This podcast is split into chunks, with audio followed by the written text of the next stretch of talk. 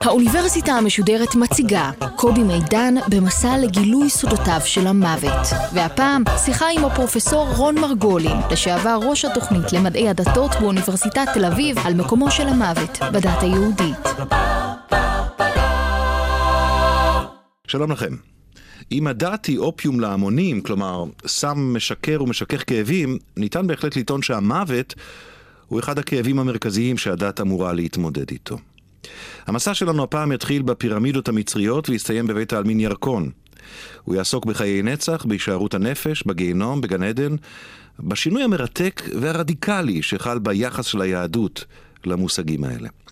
הפרופסור רון מרגולין הוא ראש התוכנית ללימודי דתות באוניברסיטת תל אביב, חוקר בכיר במכון הרטמן בירושלים.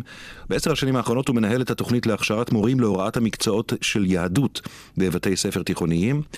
תחומי המחקר העיקריים שלו, הגות יהודית מודרנית, חסידות, קבלה, תהליכי חילון. במרכז השיחה שלנו כאמור הדת היהודית, אבל גם אה, נדלג ונציץ אל שתי הדתות המונותאיסטיות הגדולות האחרות. פרופסור רון מרגוני, שלום לך. שלום וברכה.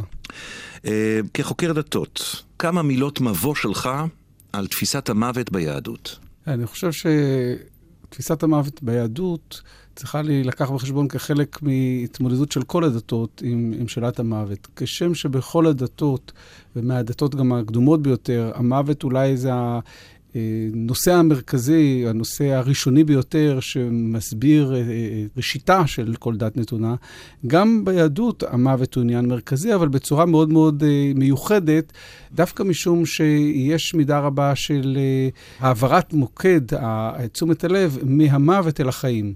שדווקא ביהדות, הדבר המיוחד ביותר שמאפיין את ההתמודדות עם המוות, הוא המעבר המאפיין את המקרא אל העברת תשומת הלב אל חוויית הנצח הנכווית בחיים, ולא אל הנצח שנמצא מעבר לחיים. אני ממרקר את השורה הזאת.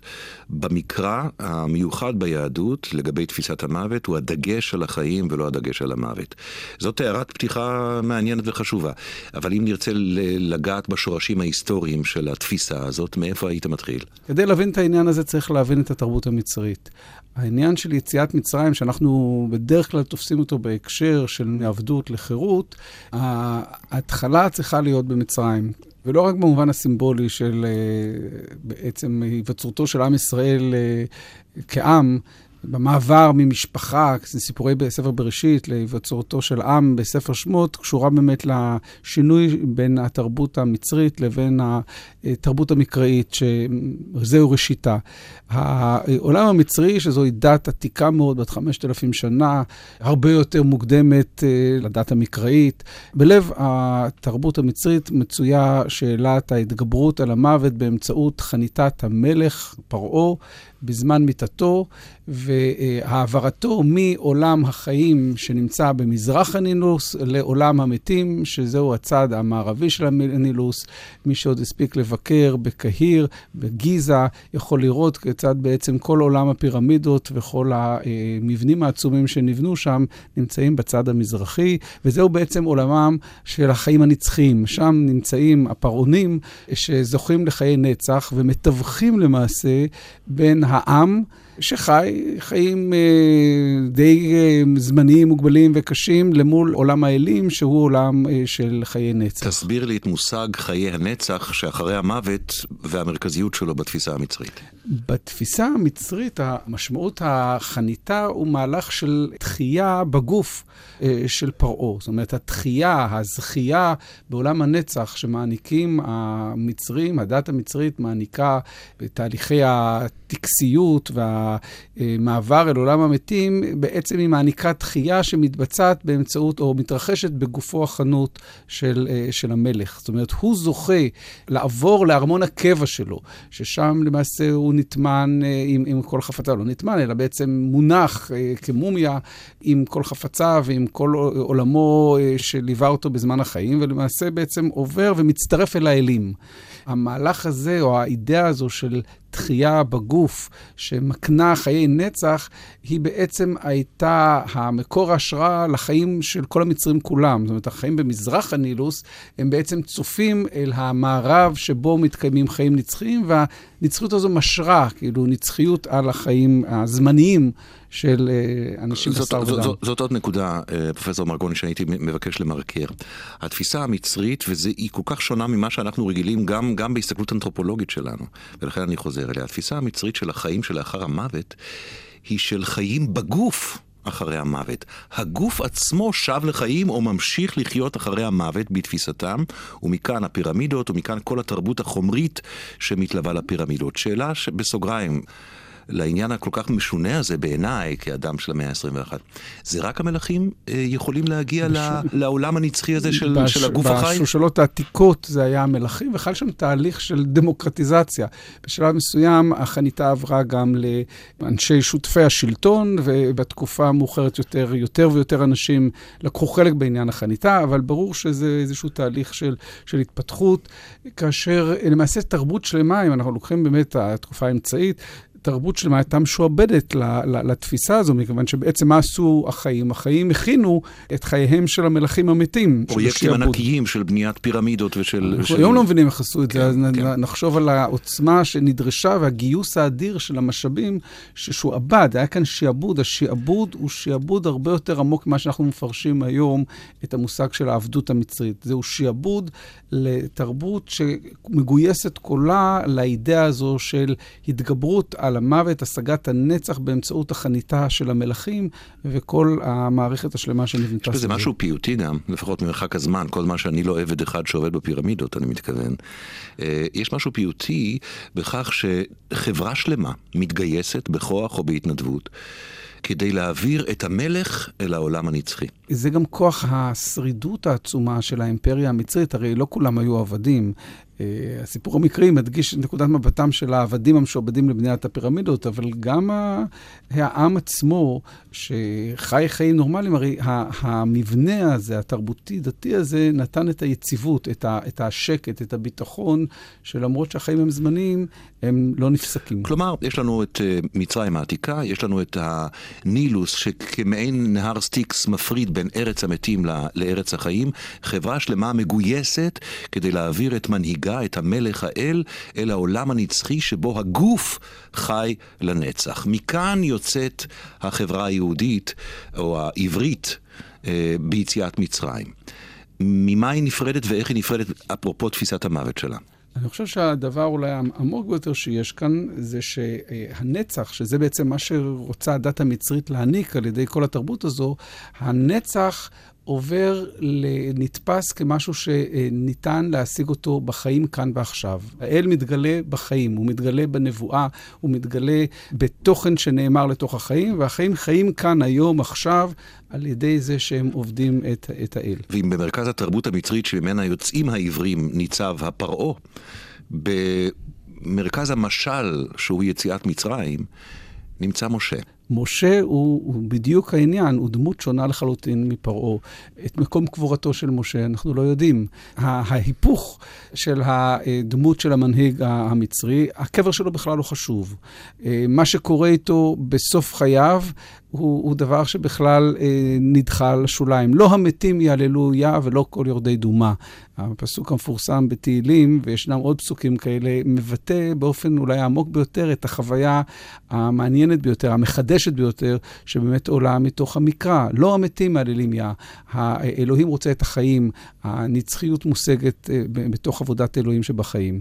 זה מוטו שהוא מאוד מרכזי במקרא, הוא לא נעלם מהעולם היהודי, עוברים שם כל מיני דברים במהלך ההיסטוריה, אבל למעשה בלי זה אי אפשר להבין את היחס העמוק הבסיסי שמצוי במקורות היהודים, מקורות ישראל, אל שאלת המוות. אז, אז זאת נקודת הפתיחה של התרבות העברית המתהווה. אה, הפניית עורף לתרבות המוות המצרית, שימת דגש כמעט מוחלט על תרבות החיים, גם האלוהים הוא אלוהים של חיים, לא המתים יעללו אותו, והמנהיג הגדול, לא רק שלא בונים לו פירמידה, אלא מטשטשים או מעלימים את מקום מותו. אותי לימדו בבית הספר התיכון והיסודי, שלא רצו שתיווצר תרבות של, של עלייה לקברים. ננסה להבין בדקות הלא רבות שעומדות לרשותנו, איך הגענו לכך ששוב אנחנו עולים לקברים. מתוך כך מתהווה גם תרבות אה, מקראית של אה, חוקים, של חוקי אבלות, של אה, חוקי טיפול במת, של חוקי טהרה. מתוך הראייה שלך, מה מאפיין את, ה, את המערכת הזאת? שורשי הטהרה בנושא המת קשורים בדיוק לאותו רעיון שהמוות הוא מטמא. זאת אומרת, הרי זה לא רק המת מטמא, גם ההפרשות הגופניות שלא מצמיחות חיים, אה, דם הנידה, גם הזרע נתפסים במקרא כמטמאים משום שהם אמורים להביא חיים, וכאשר הם לא מביאים חיים, אז בעצם יש בהם מימד מטמא. זאת אומרת שיש ביטוי בהלכות הבסיסיות של טומאה וטהרה במקרא לאידאה הזו, שגם הם מלווים את התרבות היהודית אה, מראשיתה. מצד שני, ישנם תהליכים תרבותיים היסטוריים שהתרחשו בהיסטוריה היהודית, אה, בעיקר במפגש עם העולם ההלניסטי והרומי, שיצרו חידושים. מיד נגיע אליו, אבל אה, דיברת על, שזאת נקודה מרתקת בפני עצמה, זאת אומרת, התפיסה של המוות והמת כטמא, זה עוד יכול להיות מובן, אולי גם חשש מוקדם ממחלות, אבל התפיסה של אה, הפרשות גופניות שנועדו לייצר חיים ואינן מייצרות, קונות את הטומאה שלהן. מתוך הקרבה שלהם למוות. זו תפיסה מרתקת. מה באשר למנהגי אבלות? מנהגי האבלות, כמו שאנחנו מכירים אותם, הם, הם בסופו של דבר, כמו שהם מתוארים בעולם ההלכתי, הרבני, כנראה שורשיהם הם בתקופת המקרא, אבל במקרא, הרי אנחנו יודעים שהאדם נאסף אל אבותיו. מנהגי האבלות, גם אם הם באמת אה, תוצר של תהליכים מאוחרים יותר, הם גם משקפים בסופו של דבר שהדגש הוא על החיים. דיני האבלות, מנהגי האבלות המוכרים לכולנו, השבעה והשלושים ושנת האבל, הם בסופו של דבר תהליכי היפרדות של החיים. מהאדם המת הקרוב שעזב אותם. זאת אומרת שבמוקד האבלות, אם נשווה לא את זה למצרים, לא זה לא המת, כן. אלא זה מי שנשאר בחיים, שצריך לאט לאט לעבור תהליכי החלמה. האבלות היא בעצם תהליך של הבראה מהפרידה ומהעצב או מהסבל שכרוך בפרידה. זאת אומרת, גם התחנות של uh, תקופת האבלות אינן תחנות של עילוי נשמת המת לדרגות שלה או ליווי שלה אל העולם, אלא תחנות של ההתאוששות של החיים, זה הדגש. יש ממדים כאלה, אבל הלב, בוודאי ההלכתי, הוא כמו שאמרנו. אוקיי. Okay. יש לזה גם צד מטאפיזי, וזה מהצד האחרון שניגע בו לפני שנעבור אל המהפך שאתה ככה רמזת עליו קודם. כלומר, מעבר לדברים הקונקרטיים, יש גם התפיסה של גן עדן ושל גיהנום ושל חיים שלאחר המוות וכולי, שבתקופה המקראית, בתקופת הכינון של החשיבה העברית, לא קיימים או כמעט לא קיימים. המושגים האלה של גן עדן וגיהנום, של חיי עולם הבא, ברור כשקוראים במקורות שהם הולכים ומתעצמים בתקופת הבית השני ולאחריה. יש רמזים במקרא, אפשר למצוא בפסוקים מסוימים אה, יותר ופחות, אבל הם מאוד מאוד אה, מעטים, בוודאי ביחס לכל מה שמתפתח לאחר תקופת המקרא. בסוף תקופת המקרא, כן, בספר דניאל, אפשר לראות כמה דברים, אבל השינוי הוא שינוי משמעותי. גן העדן הופך להיות בעצם למקום שממשיך להתקיים. זה לא מקום, אם נקרא את הסיפור המקראי, כן, על, על גן עדן המקראי, זה מקום שלא שווים אליו, זה מקום שהאדם סולק ממנו. אה, גן עדן אה, הופך להיות למקום ששווים, לא כולם שווים אליו, אבל למעשה אלה שראויים לכך שווים אל, אל, אל, אל, אל הגן עדן. יש כאן שינוי שכרוך גם במשבר לא קטן בתפיסת השכר והעונש המקראית. כי השכר והעונש המקראי הוא בעצם ממוקד בחיים כאן, כן? האסונות או הברכות שבחיים הם נתפסים כתוצר של התנהגות ראויה או התנהגות לא ראויה. והמשברים המאוחרים יותר של תקופת הבית השני, ובמיוחד כמובן בהקשר הזה השיא מגיע לתקופת החורבן ומרד בר כוכבא, כאשר מי עם עשרת הרוגי מלכות, רבי עקיבא ואנשיו, כן, גדולי תלמידי החכמים, הם אלה שבעצם אה, מוצאים אה, להורג בעינויים, אז אה, ברור שעל רקע החיים בתקופה הרומית וכל מערכת הענישה הרומית, תפיסת שכר והעונש המקראית אה, לא, לא יכולה לספק. למעשה, האמונה בעולם הבא, אה, בגן עדן וגיהנום, הופכת להיות חלק מתורת שכר ועונש. גם אם בעולם הזה הצדיק רע לו, או סופו רע. עברת לעניין של שכר ועונש. ואני רוצה קצת לסדר את הדבר הזה. מה שאתה אומר, שבתוך המהפך שאנחנו עכשיו מתחילים לדבר עליו, לפני המהפך, כלומר בשלב הראשון של התרבות העברית, השכר והעונש אינם בעולם הבא, כי אין דגש על העולם הבא. השכר והעונש הם בעולם הזה. אם תשמרו את מצוותיי, יהיה לכם טוב. ויאריכון ימיך, יאריכון ימיך, לא יאריכון ימי מותך, או לא תגיע לגן עדן. יאריכון ימיך, זה הגמול. עכשיו, במשך הזמן, ובעיקר, וזאת הנקודה שאני רוצה להדגיש, בעיקר ככל שהעיתים והזמנים הם עיתים יותר קשים. עולות שאלות קשות מאוד של שכר ועונש. אתה הזכרת את הרוגי מלכות, נדמה לי שהטענה כלפי הרוגי המלכות הייתה, זו תורה וזה שכרה. כן, כלפי רבי עקיבא, שואלים זאת... אתם אתם הצדיקים הכי גדולים ואתם מוצאים את מותכם כך, אם כך למה אנחנו בכלל... יש בעיה אה, פילוסופית, בעיה מוסרית, איך אתה מסביר את הצדיק ורע לו? מה מתחיל את המהפך הזה? אילו השפעות אה, פועלות על היהדות שגורמות למהפך הזה, שהוא מהפך כל כך יסודי בעצם? המפגש בין העולם היווני לעולם המצרי בתקופה ההלניסטית, למעשה אה, יצר איזושהי סינתזה חדשה שהובילה לכך שכל האזור הזה, שבתוכו חיו היהודים, הן בארץ ישראל והן באזורים הלניסטיים אחרים, אה, היה מאוד מאוד מושפע מגלגולים של תפיסת התחייה המצרית, שכמו שאמרנו, היא תחייה בגוף, לתפיסות שבסופו של דבר העמידו את התחייה, את הישארות החיים לאחר המוות, לתחייה ברוח. אנחנו רואים את זה גם כשאנחנו קוראים בכתבי הברית החדשה, שעוסקים בשאלת התחייה, ובמיוחד בתחייתו של ישו, שזוהי תחייה, נאמר שם במפורש שזוהי תחייה ברוח. זאת אומרת, וזה ביטוי של רוח של תקופה. זאת אומרת, החזרה של העולם המצרי, שממוקד באמונות, באמונה, בנצחיות שמתקיימת לאחר מותו של הגוף, מתאפשרת על ידי זה שבמקום תחייתו של הגוף, בעצם אה, האמונות מתמקדות בתחיית, ה, בתחיית הרוח, למרות שאנחנו גם מגיעים בתפיסות היהודיות, כמו בתפיסת תחיית המתים, לתפיסות שיש בהן ממש גם הנחה של תחייתו של הגוף בסופו של דבר. תכף נגיע לשם, וזה חזון העצמות היבשות וכולי, אבל אתה מדבר על, על ההשפעות ההלניסטיות ואחר כך הרומאיות.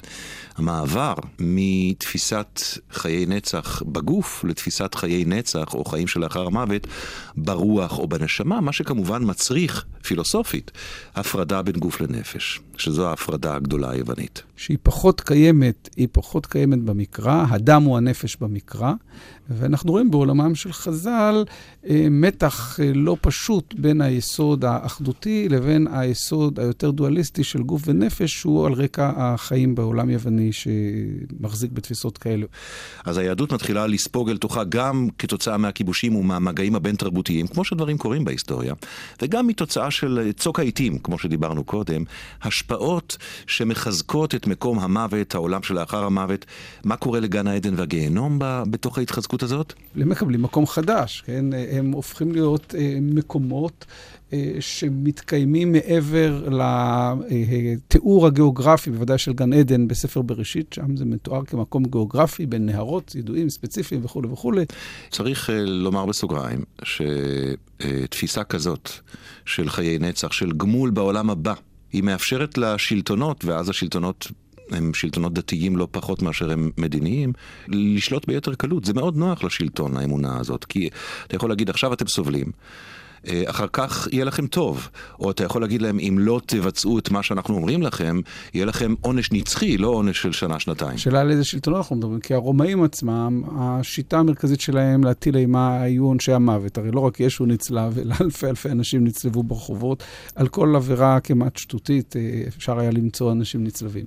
אה, אז השאלה מבחינת מי? השלטונות, השלטונות הרומאים, זה בעצם מה שהפיל אותם, כן? התגברותם של אמונות כאלה, בסופו של דבר נתנה כוח. כוח לאנשים שניסו לדכא אותם על ידי מוות גופני, בכך שהם היו מוכנים למות למען אמונתם. זאת אומרת, מתוך... הנצרות, ראשית הנצרות. מתוך תפיסת הגמול שלאחר המוות, כן. מתאפשרת גם מרטיריות, מוות על, על קידוש האמונה. כן, אה, וזה דבר שחל גם בקבוצות יהודיות, בוודאי ובוודאי אה, אפיין את ראשית הנצרות, ובשלב יותר מאוחר הוא גם אה, עבר, הורשנו אותו, התרבויות האלה הורישו אותו גם לתרבות המוסלמית. והתחנה השלישית שאני מבקש לעצור בה לכמה דקות איתך בתוך המסע הבלתי אפשרי במהירותו הזה שאנחנו עושים, היא הרמב"ם. מבחינת יחסו אל המוות, איפה היית ממקם אותו כנשר הגדול בתוך המסע הזה שעושה היהדות? אנחנו צריכים להבין שיש כאן בעצם שתי דמויות גדולות בתקופה הזו בימי הביניים שמתדיינות בנושא הזה, גם הרמב"ם ומולו הרמב"ן. כאשר בעצם לשניהם ברור שכל השיח החז"לי בנושאים של חיים לאחר המוות הוא רוחני במהותו. יש ביניהם הבדלים לגבי מה בכל אופן המקום של העניין הגופני, איך בכל אופן הם לא יבטלו את הממד הגופני שדווקא יתגבר בתפיסות של, של חז"ל, והשיא כמובן זה האמונה בתחיית המתים. מה זו תחיית המתים? תחיית המתים היא רק ברוח, הזכרנו אותה כבר קודם, או שהיא גם בגוף. אה, ובוודאי שהיו חוגים רבים שתפסו אותה אה, באופן אה, לא רק רוחני, אלא באופן מלא. אבל הרמב"ם משלב משהו מהתפיסה שלו לגבי המוות בתוך 13 העיקרים שכל יהודי מחויב כן, בהם. כן, אז במאמר תחיית המתים הוא מאוד מתפתל, הוא מצד אחד אומר, כן, זה אחד מהעיקרים וכולי וכולי, אבל בעצם, אז בעניין תחיית המתים הוא מותח את עצמו עד המקסימום. זאת אומרת, היה שם איזושהי מערכת של, של תחכום בין אישור האמונות המדרשיות הפשוטות לבין ההבנות היותר מופשטות שלהם. ולו יותר זמן בידינו, היינו מדברים גם על הקבלה ועל הזרמים המיסטיים, שגם להם יש מה לומר. על היחסים... הרמב"ן הוא אחד מאבותיה של הקבלה, ללא כל ספק. לדבר על היחסים בין החיים למתים ובין עולם החיים לעולם המוות. התחלנו את המסע, פרופסור רון מרגולין, התחלנו את המסע בכך שהמנהיג העברי הגדול, משה, מת במקום שמקום קבורתו לא נודע. אנחנו מגיעים אה, למקום שיהודים שוב עולים לקברים. קברים שוב הופכים להיות לא קדושים, לא טמאים, אלא קדושים, יש להם כוחות. איך הגענו עד לשם? כאן יש תהליכים של uh, תפיסות קבליות uh, שבמהלך ימי הביניים, uh, ביחס למוות, ביחס לשאריות הרוחניות שנמצאות בתוך, או מעבר, מעל קברו הפיזי של אדם, שהן הופכות את הקבר לאיזושהי נקודת חיבור בין הפיזי לבין, לבין הרוחני. אה, תפיסות שמפורטות אה, בספר הזוהר, בספרות קבלית אה, מאוחרת יותר. הם הזינו את התרבות העממית גם במזרח אירופה, גם בצפון אפריקה, במיוחד את ה, במזרח אירופה את התרבות החסידית, בגלל מעמדו של הצדיק, או מעמדו של הצדיק המקובל בארצות ארצות האסלאם, במיוחד במרוקו. והמימד הזה, שכאן בעניין הזה גם יש חשיבות רבה לפעילותו של הארי בצפת, והממדים או הנהייה אה, למישורים רוחניים ספיריטואליסטיים, הייתי אומר, שמאפיינת קצת את הדור האחרון כאולי איזושהי אכזבה מהבטחתה של הרציונליות הגדולה. המחצית השנייה של המאה ה-20 היא בעצם מתאפיינת באיזשהו שבר אה, מתוך הרציונליות, למרות שהטכנולוגיה ממשיכה להיות הדבר אולי הבולט ביותר המבוסס על, על החשיבה המדעית. אבל יש, אנחנו הולכים בסתירה כזו, הרבה אנשים חיים בסתירה בין הנהייה לטכנולוגיה שהיא מותנית בחשיבה מדעית לבין, לבין כמיהות ספיריטואליסטיות, שאחד הביטויים שלהם זה גם ההתגברות נתונים שהיו קיימים בתרבות היהודית, הם לא פתאום פרצו מאיפה. התחזקות. התחזקות של הנתונים האלה. אה, ורואים מתח גם בעולם החרדי, אתה רואה מתח בין חוגים הלכתיים יותר שמסתכלים על המוות, כמו שדיברנו בהתחלה, ומפרשים את ההלכה בצורה כזו, לבין חוגים אחרים שמחפשים אה, את הקשר עם רוחו של המת דרך, דרך הקבר. אבל אה, לסיום השיחה הזאת, פרופסור רון מרגולין, אם היית צריך בשני משפטים לסכם את המקום של היהדות היום, כמכילה את הקצוות האלה, את התהליך הדיאלקטי הזה שדיברת עליו, לאיזה קצה יותר קרובה, מה, מה היית אומר היום על מצבה של היהדות? הדברים האלה מורכבים, כן? יש מימד רציונליסטי במהלך שמדגיש את, ה, את החיים. האם באמת המהלך המקראי והמשכו אחר כך בתקופות יותר מאוחרות הוא מהלך רציונליסטי? זה נכון ולא נכון. יש, יש קו כזה. אה, אבל מה שכן ברור שהוא אקזיסטנציאליסטי, זאת אומרת, במושגים כמובן של חשיבה מודרנית, אם אנחנו מנסים להסביר במושגים שלנו היום. התורה בהדגש, המקרא והתורה בהדגש של החיים, משקפת את היסוד האקזיסטנציאליסטי העמוק שיש שם. ואני חושב שהחזרה אל המקרא בתקופת ההשכלה, היא קשורה לכך שהיסודות האקזיסטנציאליסטיים במהותם מדברים יותר אל האדם המודרני. ו... אם היהדות לא תתחבר אל הממדים האקזיסטנציאליסטיים שקיימים בה, אני חושב שהיא מגיעה למתח מאוד מאוד גדול עם המודרנה, וכמו שקורה לתופעות דתיות אחרות, לאיזשהו עימות. אבל יש הרבה מאוד נתונים אחרים שהם חשובים לא פחות, ואולי הם היותר אותנטיים, כמו אלה שדיברנו עליהם כאן, שהם דווקא יכולים להיות מקור השראה עמוק מאוד לאדם בן ימינו. ובנושא הזה של המוות, אני חושב שהעניין הוא ברור ושקוף. פרופסור רון מרגולין, תודה רבה לך. בבקשה, תודה גם לך. ותודה לניב רובל על העריכה, ולאבי כהן על הביצוע הטכני. להישמע.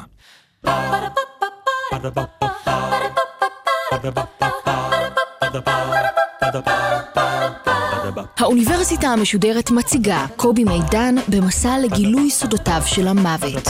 האוניברסיטה המשודרת.